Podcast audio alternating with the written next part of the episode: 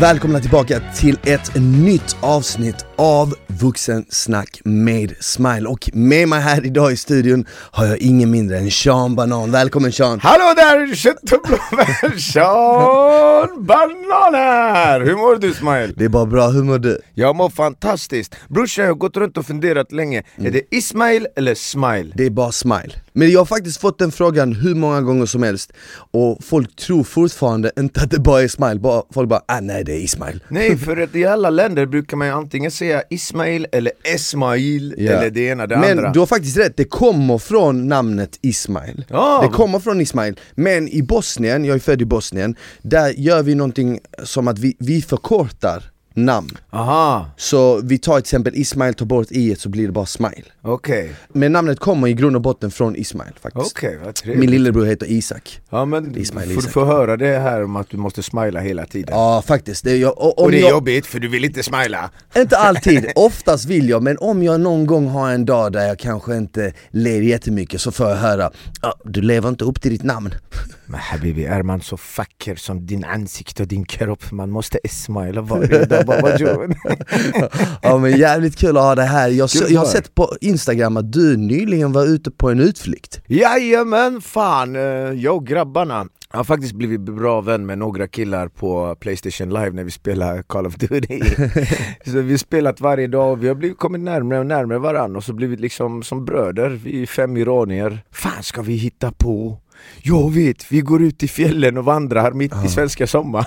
Shit Vi flög till Umeå, sen bilade vi några timmar till Hemavan och sen där vandrade vi kanske en och en halv mil eller någonting eh, Så det här är typ nordvästra Sverige mot Norge? Tror du jag kan Sverige? Eller? Jag Okej. har ingen aning, jag satt i bilen, jag bara ta dit mig. Det kändes verkligen som en flyktingsförläggning. Så jag precis kommit till Sverige. Det var en liten stuga bland två eh, så här stora berg, alltså det var mitt ute i snön, det var för iskallt och så skulle vi klättra upp till toppen liksom av södra sydtoppen eh, eller vad det heter. Halvvägs så hade vi med oss typ 5-6 plunter. Och så började vi dricka. Ja. och så började vi spela persisk musik. Tänk dig om någon gick förbi, någon riktig sån här vandrare Ingen björn in. ville äta upp oss för de, de började förväxla våra håriga rumpor med mamma Björns arsle. Vi Oh fastnade där, vi drack, drack och så bara vet ni vad, vi skiter i toppen. Vadå hur högt är det här berget? 1600 eller 700 Okej, jag så det är inte så jättehögt men är det, alltså är det jobbigt, att gå. och... Det är jobbigt att gå mannen för det är kallt och det är dålig terräng Jag såg det var snö, det är massa snö där ute liksom fortfarande nu över sommaren Ja, alltså. ja, ja, det är ju snön håller på att smälta där uppe i bergstopparna Men fan, vi, vi, vi hade så kul där vi stannade Mm. Så vi sket i att klättra upp till toppen Så insåg jag, fan man behöver inte alltid klättra upp till toppen av toppen För ibland kan du hitta de fina sakerna i botten Verkligen. Det känns som att på sådana vandringar, det är då man liksom Man kommer underfund med typ sådana här grejer som, ja, Ja, men ja, du vet, att, att det handlar inte om destinationen utan det är vägen dit resan. kanske. Exakt, för jag lärde mig att den här resan, det, jag kommer fan inte vandra någon mer Nej. kan jag säga Det är så pass. Men vi connectade vi grabbarna på en helt annan nivå Mm. Alltså vi hade det så underbart och vi fick en broderlig connection Sen, jag, jag antar också att när man är ute där så kan man inte heller använda mobilen på samma sätt. Och då blir det ju också att man bandar mycket bättre. Ja, jag är ju väldigt dokumenterande så Men jag hade ju ingen nätverk Nej. Och då skiter man ju i att ladda upp grejerna Ja. Och man skiter i vad folk svarar om Ja men en det är just den biten, det, Ja, det, det var den ja. biten jag tänkte på. För att jag hade en vän som nyligen eh, bestämde sig från ingenstans att vara en sån här tourguide Mm. i Anderna. Så han var iväg två, tre veckor och så vandrade de mot Machu Picchu.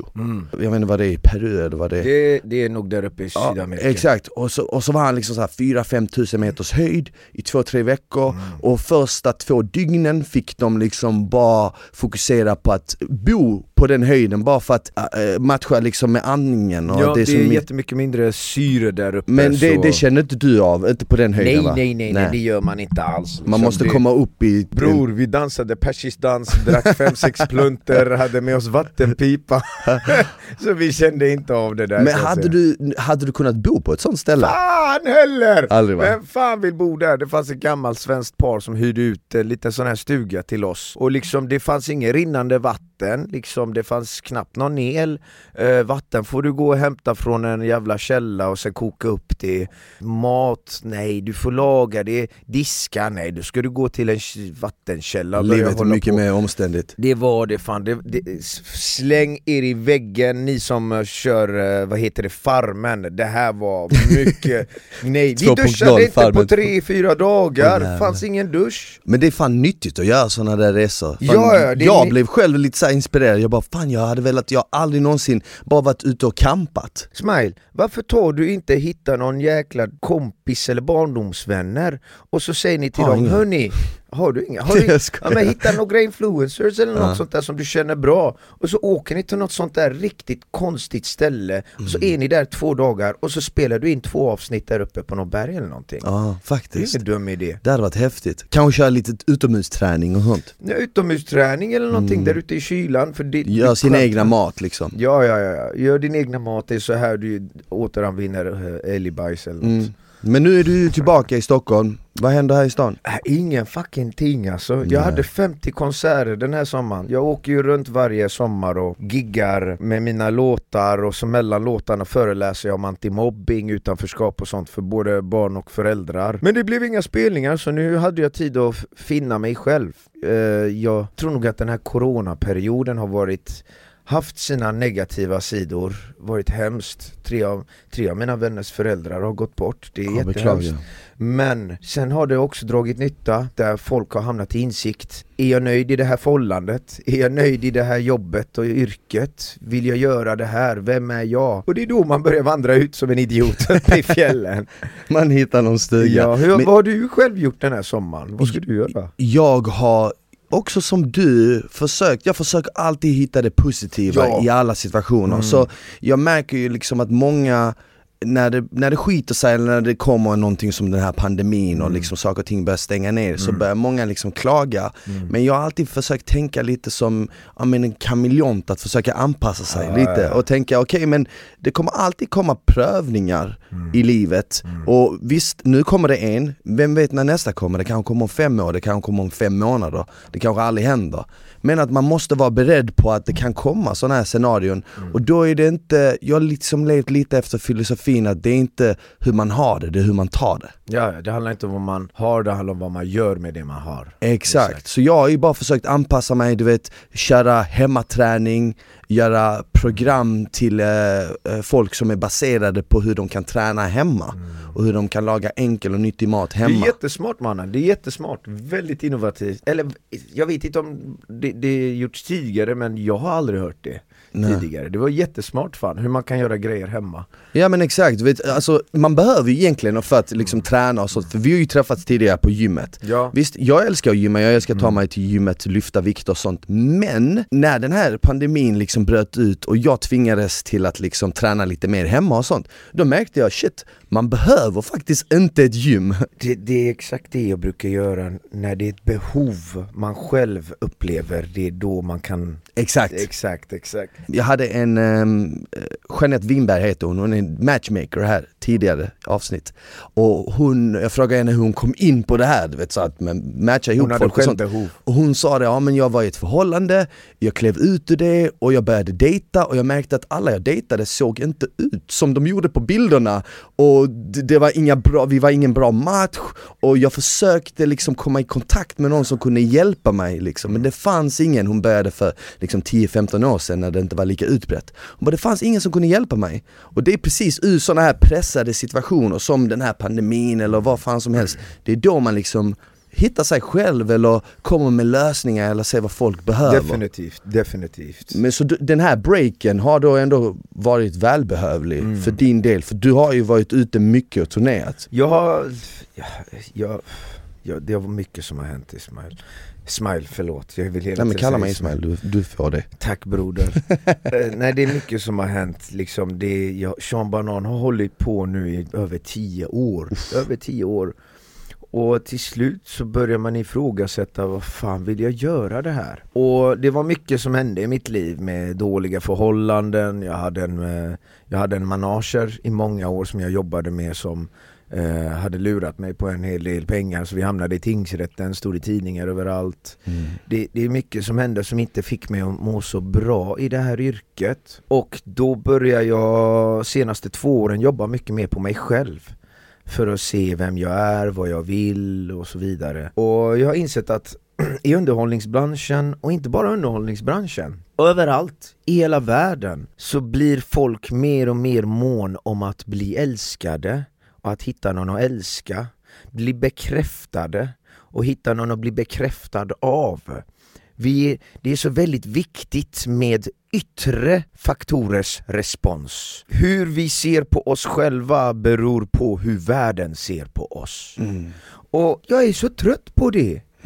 Så jag var så mån om att älska andra och bli älskad av andra att jag glömde fucking älska mig själv. Ja. Jag glömde hur det är att prioritera sig själv och göra det jag vill. Och speciellt som underhållare och framförallt som barnartist och familjeunderhållare. Man vill underhålla andra, man vill vara mån om andra, man måste vara andra till lags. Ja. Att man glömmer sig själv. Och det är därför jag tror nog att många människor i dagens samhälle inte mår så bra i sig själva.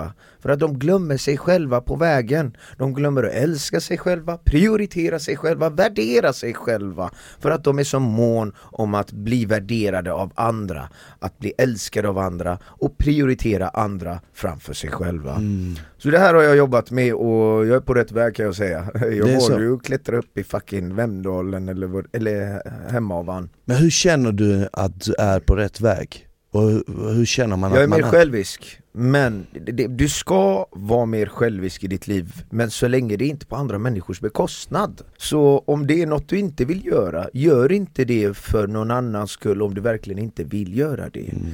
Hur fan ska du kunna, om någon säger följ med och se den här filmen Om du verkligen inte vill se den här jävla chickflicken Då ska du fan inte följa med och se den För vad är du för sällskap om du inte kommer sitta och njuta av den där? Jag vill kunna följa med och se den här filmen om jag kan ge mitt sällskap lika mycket entusiasm och bara wow den här filmen var bra, det var bra att du tog med mig Ja. för nu kommer du ha kul för att jag har kul. Ja, det, är, det är nästan som att man, man vill tillgoda sig andras behov så pass mycket att man glömmer sina egna. Ja, ja, ja. Och, och, och, och när man till exempel bygger ett varumärke eller jobbar med liksom eh, media eller på något sätt är en offentlig figur så blir man känd för något Mm. Och, och sen så, så, så skapar man sig ett namn och så ser folk där ur ett visst perspektiv. Och så känner man att man måste leva upp till det hela tiden. Till de förväntningarna, nästan som att du till slut blir, du blir inte dig själv utan du blir den personen de ser dig som. Ja, jag hörde faktiskt ett citat som var så jävla, som slog mig så hårt, det var så här: du är inte den du tror att du är, du är vad de andra tror att du är. Så jag ser inte mig själv, jag ser mig själv typ lite genom dina ögon. Vad tror Sean att Smile är? Ja men Sean tror att Smile är den här träningskillen som lever, eh, som bara tränar hela tiden, som äter hälsosamt, som, som tänker på sitt yttre, som har en podd här och som har varit med i reality. Så att jag nästan formar mitt liv efter vad jag tror att du Definitivt. ser om mig själv. Förstår Så att vi nästan typ, det är nästan som att vi låser oss i de här små Ja. fängelserna. Exakt. Det var ju därför jag började gå runt och ifrågasätta, är jag den här clownen som petar i näsan och pruttar 24-7 hela tiden? Mm. Eller är det det att folk förväntar sig att Sean Banan ska vara den här clownen och att jag måste leva upp till det hela tiden? Det var Ja. de här frågorna jag sa. Jag tänkte så här, Smile, du är den här snygga träningskillen som lär folk att träna. Du vill inspirera folk att träna. Om det inte fanns några människor på jorden och du inte hade någon att träna, vem fan är du då? Ja. Samma sak med mig själv, jag är Sean Banan, vem fan är jag? Ah, men du är den roliga killen som är generös och får folk att le Men tänk om inte det fanns några människor att vara generösa åt eller fanns några människor att få le Vem är jag då? Det är de här frågorna jag börjar ställa mig Ah. själv Så man försöker hitta en inre, vem är jag? Och det, det, det kan man göra genom att göra saker och ting som man själv vill egentligen göra, genom att vara lite mer självisk Precis. Det känns ju på sätt och vis som att typ Instagram och de här andra plattformarna, främst Instagram då eftersom det är den största, gör det lite svårare att hitta sig själv för att du kanske gör något som är du och så får du, detta är ett klassiskt exempel.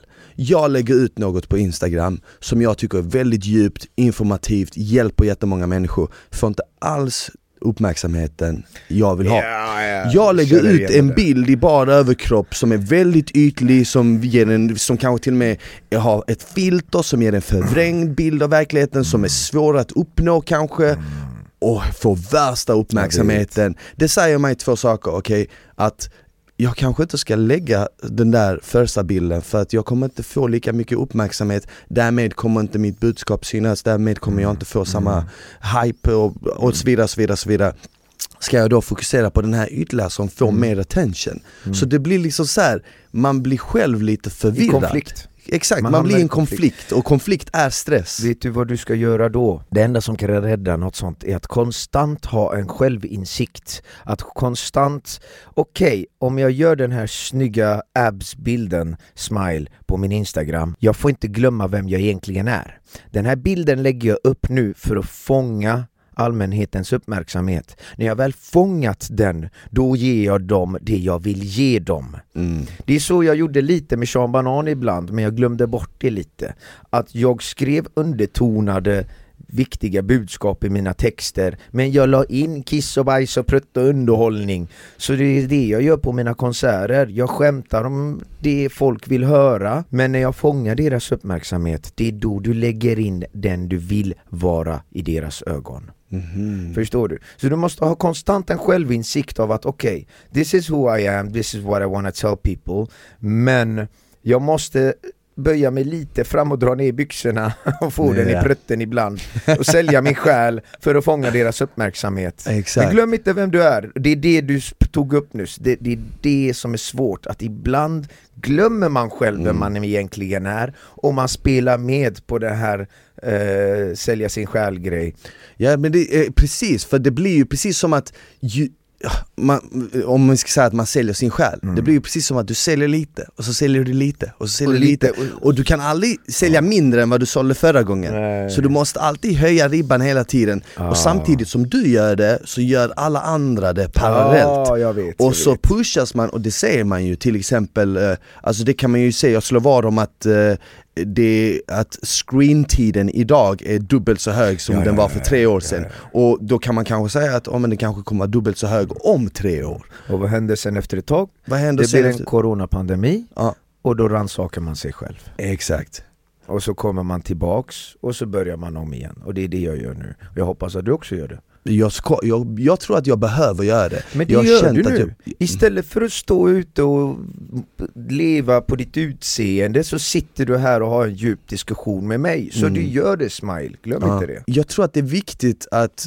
så som du sa, att komma till självinsikt med vad som egentligen spelar någon roll. Mm. Jag vet ju att till exempel de här yttre faktorerna som Mm. utseende eller humor eller någon status eller kändisskap, jag vet att det kan påverka men jag vet också att i slutet på dagen är inte det det, absolut viktigaste. Nej, nej, nej, nej, nej, nej, nej, nej. Och så länge man vet det så Jo. kan man ändå vara kopplad till verkligheten lite. Mm. Jag, jag såg en, en bild på IG för någon dag sedan att förr så gick man in på internet när man ville ta en break från verkligheten. Mm. Nu går man till verkligheten Ja. när man vill ta en break från internet. Ja, ja, ja, Och du vet, och det, det är precis som den här lilla resan du gjorde nu Mm. eh, i helgen.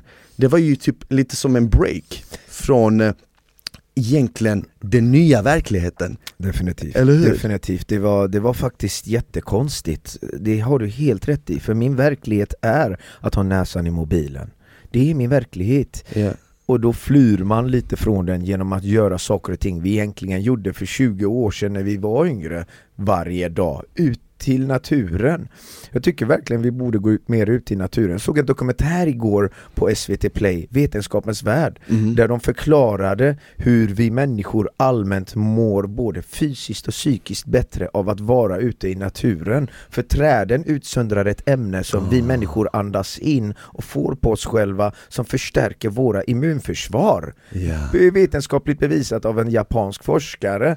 Så vi borde fan gå med lite mer ut i naturen. Sen är jag ju en liten halvhycklare själv, jag sitter ju med näsan konstant i mobilen. Men eh, en sak jag har insett mer och mer, det är att som influencer, eller influensa som jag kallar det för, är det, har man ett ansvar. Mm.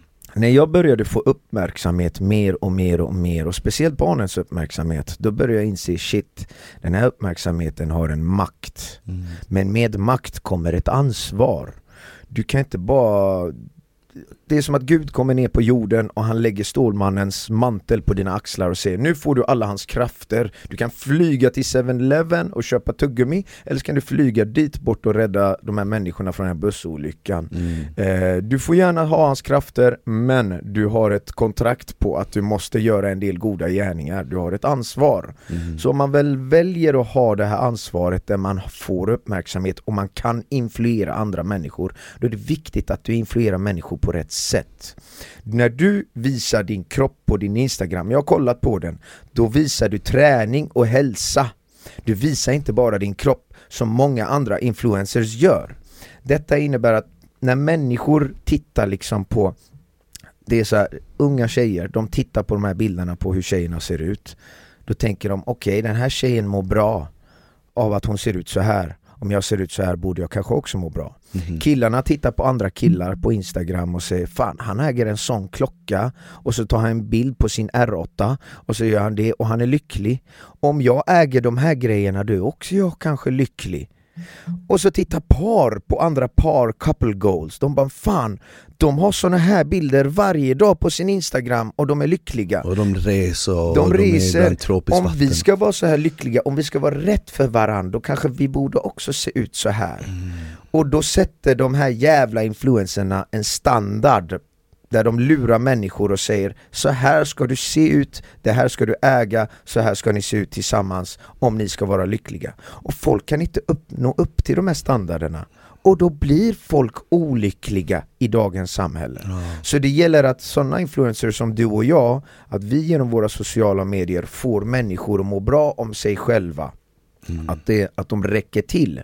Nu råkar du ha en jävla dunderkropp din jävel, fan ta dig! Men, det, det, det, Men ja. du visar det genom träning, du visar fokus på din, dina medier att det är träning det handlar om, inte hur du ser ut. Nej.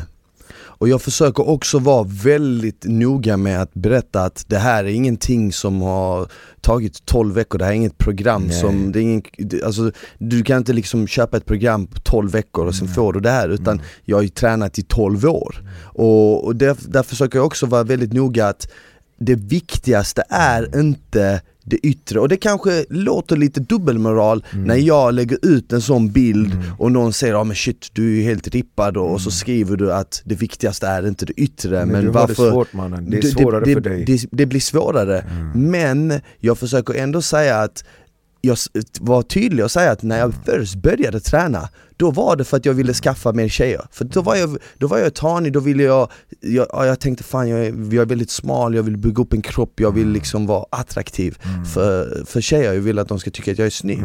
Och sen blev det något mer för mig själv, och nu idag är det något mer för andra. Ja. Så det är en resa. Ja, ja, ja, definitivt. Det är därför jag har lovat mig själv att på min Instagram, det, är som du säger, det är väldigt svårt. Ibland blir man lite hy- hycklare och dubbelmoralisk, Mm. man glömmer bort och så plötsligt råkar man lägga upp någonting som råkar vara en mindre produktiv influens till folk. Men man gör sitt bästa, så Ja. jag ser det på dig och jag vet att du ser det på mig också, men ibland glömmer man det. Mm. Men det är därför jag har lovat mig själv att göra mitt bästa, att på min Instagram och alla de här sociala medierna att försöka få folk att vara nöjda med det de, de är, det de har. Att om du inte har den här klockan Jag har så många vänner som vill lotta ut små Louis Vuitton-väskor, Gucci-väskor, sådana kepsar och dittan och datten. Och då tänker jag, men fan, det får folk tro att det är en sån väska man ska ha. Ja. Att om du inte har en sån väska, då är du inte värdig, då är du inte bra, då är du inte lycklig. Varför lottar man inte ut små skit Adidas-väskor? De kostar inte lika mycket, du, man kan ju få Det är samma väska, den har samma syfte. det har samma syfte, få följarna att fatta att det här är också bra. Du måste inte ha någon sån där grej som alla andra har. Du måste inte se ut så här, du måste inte dittan och datten. Jag vill verkligen, för jag var där själv. Jag var i ett ganska destruktivt förhållande som var eh, det, handlade väldigt mycket om ytligheter. Mhm. Jag blev bjuden av eh, hennes vänner eh, till såna här fina lyxiga resor. Vi var i Marbella, stod på Nicky Beach och pekade upp i luften med ett finger. Eh, och Och- det fick mig att tappa fotfäste och det fick mig att inse, fan jag vill också äga så här mycket pengar som de här. Fan jag vill också ha en sån här bil som de här. Jag vill också se ut som de här. Och när jag inte kunde uppnå det, då kände jag mig ledsen. Mm. Det var jättejobbigt, jag hade sån depression liksom. Och jag vill fan inte utsätta folk för detta. Och jag, tänk dig att det här hände dig ändå liksom när I du är vuxen ålder! Tänk dig då liksom hur det är växa, tänk dig då hur det är att växa upp liksom som en idag Ja, ung kille, det är ännu svårare i dagens samhälle. Ja, det är därför jag säger, våra barn kanske fuckade med våra barnbarn. Stackars dem alltså, jävlar. den generationen. Så jag mådde så piss, jag mådde så dåligt och så började jag jobba på att fan vara nöjd med det jag äger, det jag har, den jag är och hur jag är. Och det är det jag vill influera folk, att vara nöjda med det de äger, det de har och hur de är. Du behöver inget mer. Att vara fröjd med sig själv, att vara nöjd med sig själv är det finaste som finns. Att veta sitt värde och att inte underskatta sitt värde. Men hur börjar du då jobba med det här? För jag känner att ett av, vi, vi, vi har ju liksom snuddat in lite på det här med att vara utomhus mycket Ja. och jag känner att det är någonting som är superviktigt, speciellt för oss här i Norden. För vi sitter ju liksom inlåsta 6, 7, 8 Ja, månader om ja, året. ja. Är det kallt, det är solt, alltså, vad var det? Typ i november månad var det 11 soltimmar på en hel månad. Alltså vissa länder har det på en dag, vi hade det på en hel månad. Och sen så har vi liksom lite sol, lite solljus från april till oktober. Och då känner jag att då är det extra viktigt för oss att komma ut. Men förutom det, eh, vad, vad, vad försöker du jobba extra mycket med också? Eh, många människor, eh, jag, när jag inte mådde så bra så var det för att jag inte kom ihåg mitt värde.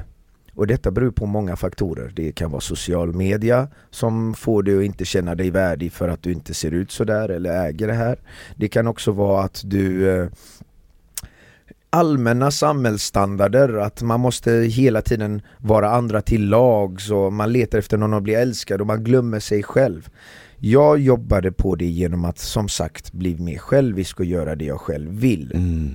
Utöver det började jag praktisera mer av de saker och ting som jag visste jag är grym på. Mm. För att påminna mig själv om mitt värde. Om jag är en dansare i grund och botten, jag började dansa mer. Och då började jag, fan jag är grym på det här. Jag har ett värde inom ett område. Jag började göra det här mer, jag började göra det där mer. Jag vet ju inte att jag har ju inte det största självförtroendet när det gäller mitt utseende, det beror på att jag blev mobbad när jag var liten Men det berör inte mig längre för att jag fokuserar mer på min personlighet Så istället för att skämmas när en brud kom in i en klubb så tänkte jag istället, fan ge mig fem minuter med den här bruden, låt mig snacka min charm på henne, bam, hon kommer älska mig. Och då praktiserar jag det mer, min personlighet och min charm. Jag börjar fokusera på mer på mina styrkor. Exakt, det var det jag tänkte säga.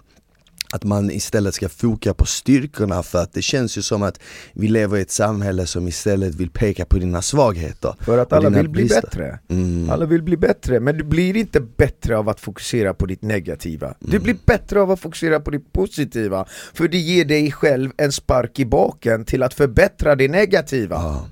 Och vi alla, någonting man måste tänka på, och det låter kanske lite klyschigt men alla är ju verkligen unika på så sätt Ja. att alla har ju åtminstone en grej som de är väldigt bra på. Man måste oftast bara kämpa lite för att identifiera den här grejen. Och det kan, vara, det kan vara vad som helst, det kanske är flera grejer. Du kanske är bra på, ja men Sean, du kan vara väldigt bra på att dansa, det, var, en- det kom väldigt naturligt för dig. Humor kan kom väldigt naturligt för dig. Att kommunicera med människor på det emotionella planet, att liksom klicka med människor rent emotionellt och vara empatisk kan komma väldigt enkelt för dig. Du vet, det är tre egenskaper, kan man identifiera dem och bygga på dem istället då har du en unik blandning av en stark personlighet som kan ta dig långt utan att behöva liksom förlita sig på yttre faktorer. Jag tror nog att det finns fler grejer man kan också göra och en av de sakerna jag tycker att man kan göra är att vi är så mån om att vara inför, innan våran comfort zone. Uh. Att vi, okej okay, här är jag säker, här är jag duktig på min grej. Ja, man ska fokusera på sina styrkor men glöm inte även att utveckla mm. nya styrkor. Yeah. Och vi är så mån om att nej, det här är jag trygg och det är den här typiskt svenska mentaliteten, trygghetsmentaliteten och när jag säger svensk då pratar jag inte om att du är blond och blåögd, jag pratar Nej. om att vi som bor här i Sverige har mm. en form av eh, skärgång, en mentalitet och det är att vi inte tar risker. Nej. Vi vill inte vi ta går risker. Gärna, vi går gärna på samma semesterdestination, exakt. vi tar gärna samma eh, exakt, rätt inne exakt, på restaurangen. Exakt, exakt. Så det jag tycker är att man ska ändå bryta lite eh, mönster. Man Ja. ska, som jag gjorde nu när jag gick ut och vandrade, jag har aldrig i mitt fucking liv trott att jag skulle plocka upp en väska och börja vandra två, tre mil till en stuga mitt i ingenstans när det är svinvarmt och skönt här i Stockholm och jag ska vandra ut i det där jävla Ja. helvetet. Det är Men jag gjorde det och det boostar mitt självförtroende lite. Så jag tycker att alla människor borde tänka utanför ramarna lite också och prova på nya saker. För vem vet, du kanske finner nya inom Verkligen. dig själv du inte visste du hade. Och, och för att göra det tror jag också att det är viktigt att man inte är rädd för att bli kritiserad. Nej. Att man inte är rädd för att suga på det i början. För jag minns när jag, nu eh, har jag precis blivit klar med min kokbok. Men för ett år sedan så började jag först laga mat mer seriöst. Men det tog mig ett år att bara börja. Så i ett år gick jag runt och tänkte fan jag vill, jag vill, jag vill. Jag är intresserad, jag vill, men vad kommer folk säga? Jag är ju en träningskille, jag är ju en realityprofil. Jag kanske, De kanske tänker vad fan fattar du om mat? Och sen sa liksom en, en äldre kvinna som har varit lite som en mentor till mig, hon sa men bara gör det. Hon bara ibland smile så måste du bara börja och så kommer du lära dig under vägen, du kommer lära dig av dina misstag. Skitsamma, alla börjar någonstans. Och så började jag och som jag själv tänkte så fick jag liksom kritiken, ah, du kan inte hacka det så, du kan inte göra det, det där funkar inte med det. Och det viktiga för mig där var att inte ta åt mig av det, du vet. För det är så lätt att man får 20 komplimanger men en negativ kommentar och den bara väger över allt. Eh, Men det viktiga för mig var där att skit i vad de säger, fokusera bara på vad du tycker om och fokusera på att bli bra på det här. Och liksom ett år senare så sitter jag liksom klar med en kokbok. Och det visar bara på att fan, vem som helst kan egentligen lära sig en skill bara man ger det tiden. Ni som lyssnar nu, ni, ni får inte glömma, we don't always practice what we preach. Vi är också människor när vi sitter och kommer med de här tipsen och råden. I don't always practice what I preach. Så när du säger bara göra det, bara göra det. Jag vet själv, det är fan inte lätt. Jag Nej. håller på att jobba arslet av mig nu, mentalt. För att bara göra min nästa dröm och jag vill, min dröm är att börja regissera, skriva drama och komedi, eh, skådespela och sånt där. Men jag har själv inte vågat helt och hållet och det tar tid. Ni får inte glömma det. Jag har fortfarande min tumme långt upp, hela min fist upp i min rumpa ska ni veta. Jag, sitter inte, jag, jag borde göra mycket mer, men det är bara att göra det och jag har inte bara gjort det ännu. Så vi vet, det är inte så lätt. Nej. Men det tar tid, ge det lite tid. Och det ni inte får glömma allihopa är, ger ni ut er ut på ett nytt område, och provar er själva, pushar er själva. Var inte oroliga för kritiken.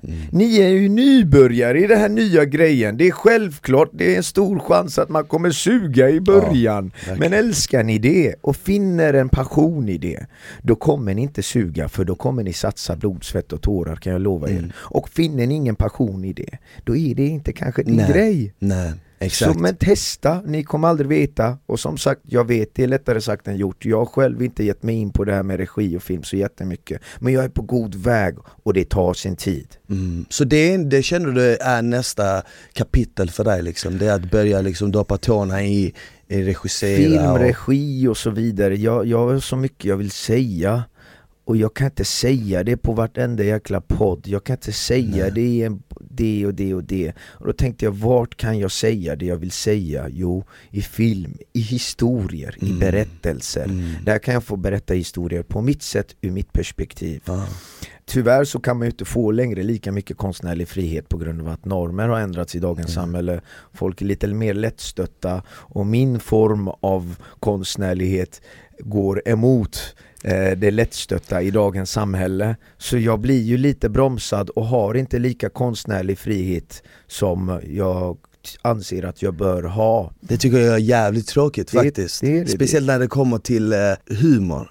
Mm. Allmänt, komedi är en sån eh, bransch som har blivit drabbad väldigt typ hårt av det att man inte kan, för mig har alltid humor varit, jag, jag, jag älskar det, jag har inte varit intresserad av det på det sättet att jag vill liksom göra stand-up eller liksom sånt men jag älskar själva konstformen i sig. Och för mig har det alltid varit ett sätt att nä- nästan lite tänja på gränserna Ja. och liksom, eh, du vet så, leka lite med elden och med våra demoner inuti oss du vet. Men idag är det precis som att man har dödat liksom humorn lite, Mm. Lite när, man, när man begränsar folk för vad du får skämta i slutet på dagen, det är ett skämt, du vet, man ska kunna skoja. Man får inte glömma att samhället har alltid en eh, sense of humor. Det finns mycket grejer som många tänker på men man inte vill säga på grund av normer, moral och man vill inte vara, göra någon annan illa till lags. Och det är därför underhållningsbranschen och komedibranschen finns. För att vi säger det folk tänker och vi ger folk en anledning till att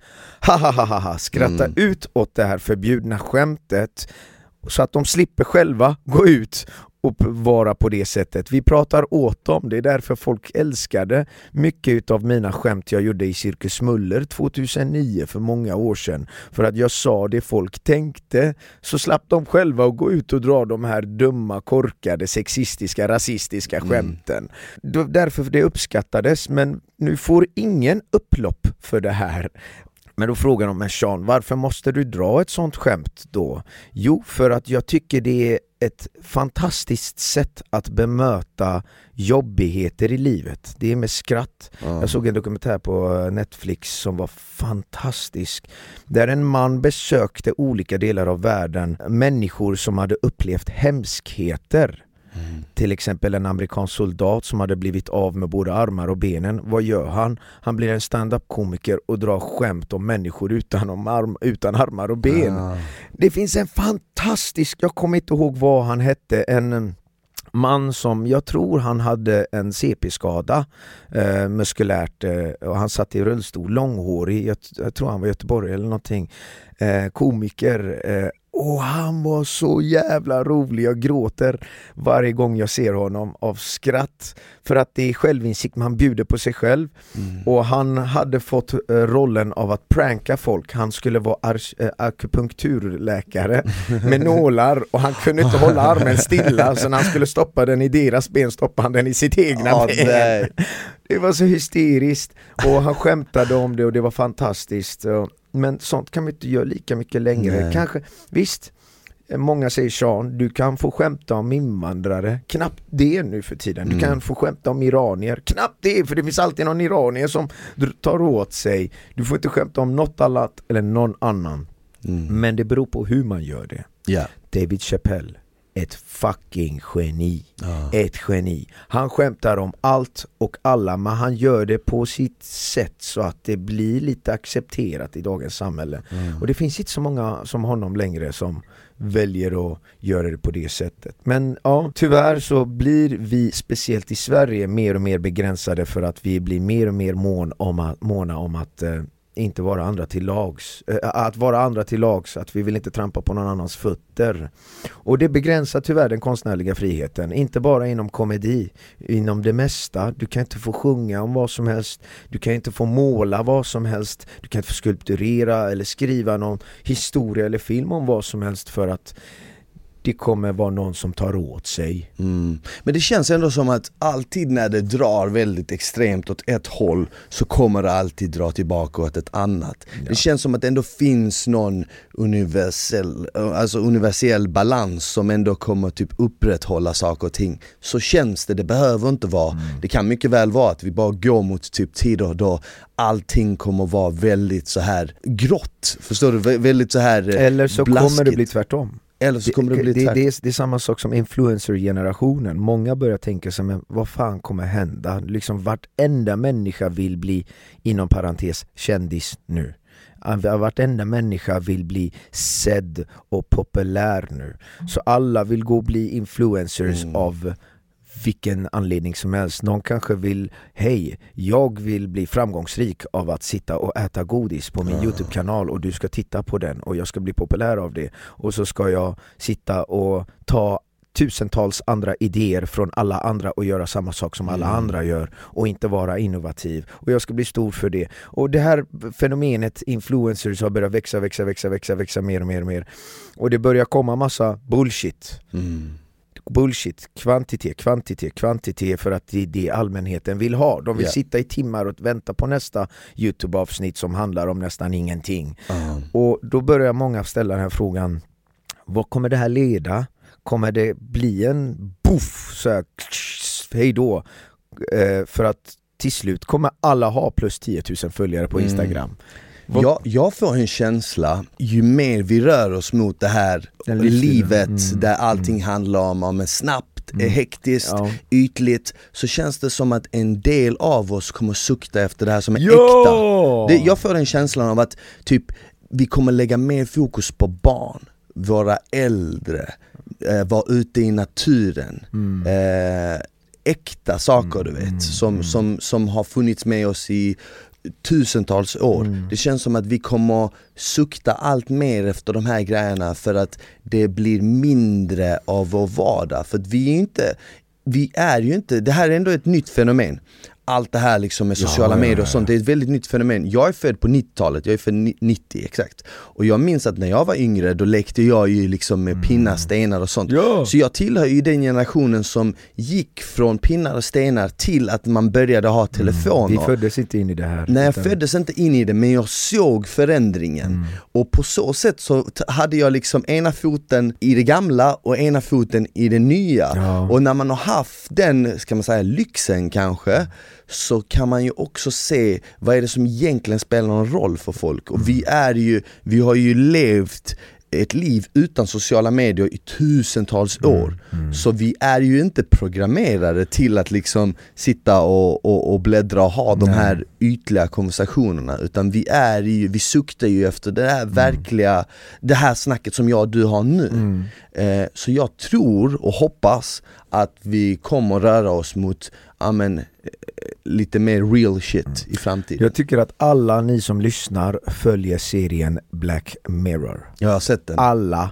För att vartenda avsnitt, då tar de upp de här samhällsproblemen. Ett avsnitt handlar just om att man vill bli sedd och få likes för att bli accepterad i ett samhälle. Ett annat avsnitt handlar om att hur mycket man vill sälja sin själ och sina principer för att komma någonstans och få en möjlighet på en X-factor eller det mm. eller det eller det. Eh, ett annat avsnitt eh, handlar om att vi alltid måste spela in allting och ha det inprogrammerat i ett chip som är sparat i minnet och att vi inte kan lägga det i våra egna minnen själva och minnas de här vackra minnena. Jag tycker att alla ska in och kolla på Black Mirror för de tar de upp är, just de här ja. samhällsfrågorna. Och, och de, de drar det väldigt extremt ja, oftast. Ja, Men vad, du som ändå, eh, som artist, som ändå uppträder och sånt Känner du ibland att när folk liksom står och filmar när du står på scen, känner du ibland att fan, ni går miste om det riktiga här? Eh, min generation, de som kommer till mina konserter, majoriteten har bara varit föräldrar och småbarn. Föräldrarna filmar ju inte så jättemycket faktiskt. Nej. De filmar ju mer barnen lite. Sen lägger de ner telefonerna för att då tar jag upp vissa djupa diskussioner om antimobbing, eh, utanförskap. Eh, förra årets show hette Superhjältar och den handlar om att alla det handlar om ADHD och bokstavskombinationer. Mm. Där vi försöker förklara för alla i publiken, både barn, föräldrar men även lärare, att sluta kalla ADHD för en svaghet eller en brist. Ja. De här diagnoserna. Mm. Sluta kalla det för, eh, inom parentes, handikapps. Eh, Precis som att det är något negativt. Ja exakt, och då försöker jag förklara i showen att bokstavskombinationer är superkrafter barnen inte lärt sig att hantera ännu. Precis som X-Men, de får reda på att de har de här krafterna och de blir rädda för de här krafterna för att samhället stöter bort dem. För att de inser att wow, vad är det här för något? Jag är inte som alla andra, jag är inte rätt. Och vad händer? De tar sig till Professor Xaviers skola och där lär de sig att kontrollera sina krafter, ADHD. Och när de lär sig att kontrollera de här, då kan de till och med hjälpa de här idioterna som har stött ut dem mm till en bättre värld. De kan använda sin ADHD till sin fördel som en superkraft. Det är det vi gör i de här showerna och då lyssnar föräldrarna och då tar de inte upp mobilerna lika ofta. Ja. Samma sak med småbarnen, de har ju inte mobiler många av dem. Men desto äldre och äldre generationer har blivit i min målgrupp, desto mer och mer plockas mobilerna upp. Ja. Förra året blev jag jättechockad. Jag hade många nattklubbspelningar. Jag blev bokad här och Peppes Bodega i Rhodos och nattklubbar och så vidare. Jag bara, ah, inga, inga ungdomar eller så här tonåringar kommer komma till mina konserter. What the fuck? Vad är det här? Så dyker jag upp fullsmockad. Jag blev chockad av massa 18, 19, 20-åringar. Jag bara, vad fan gör de här? Aha.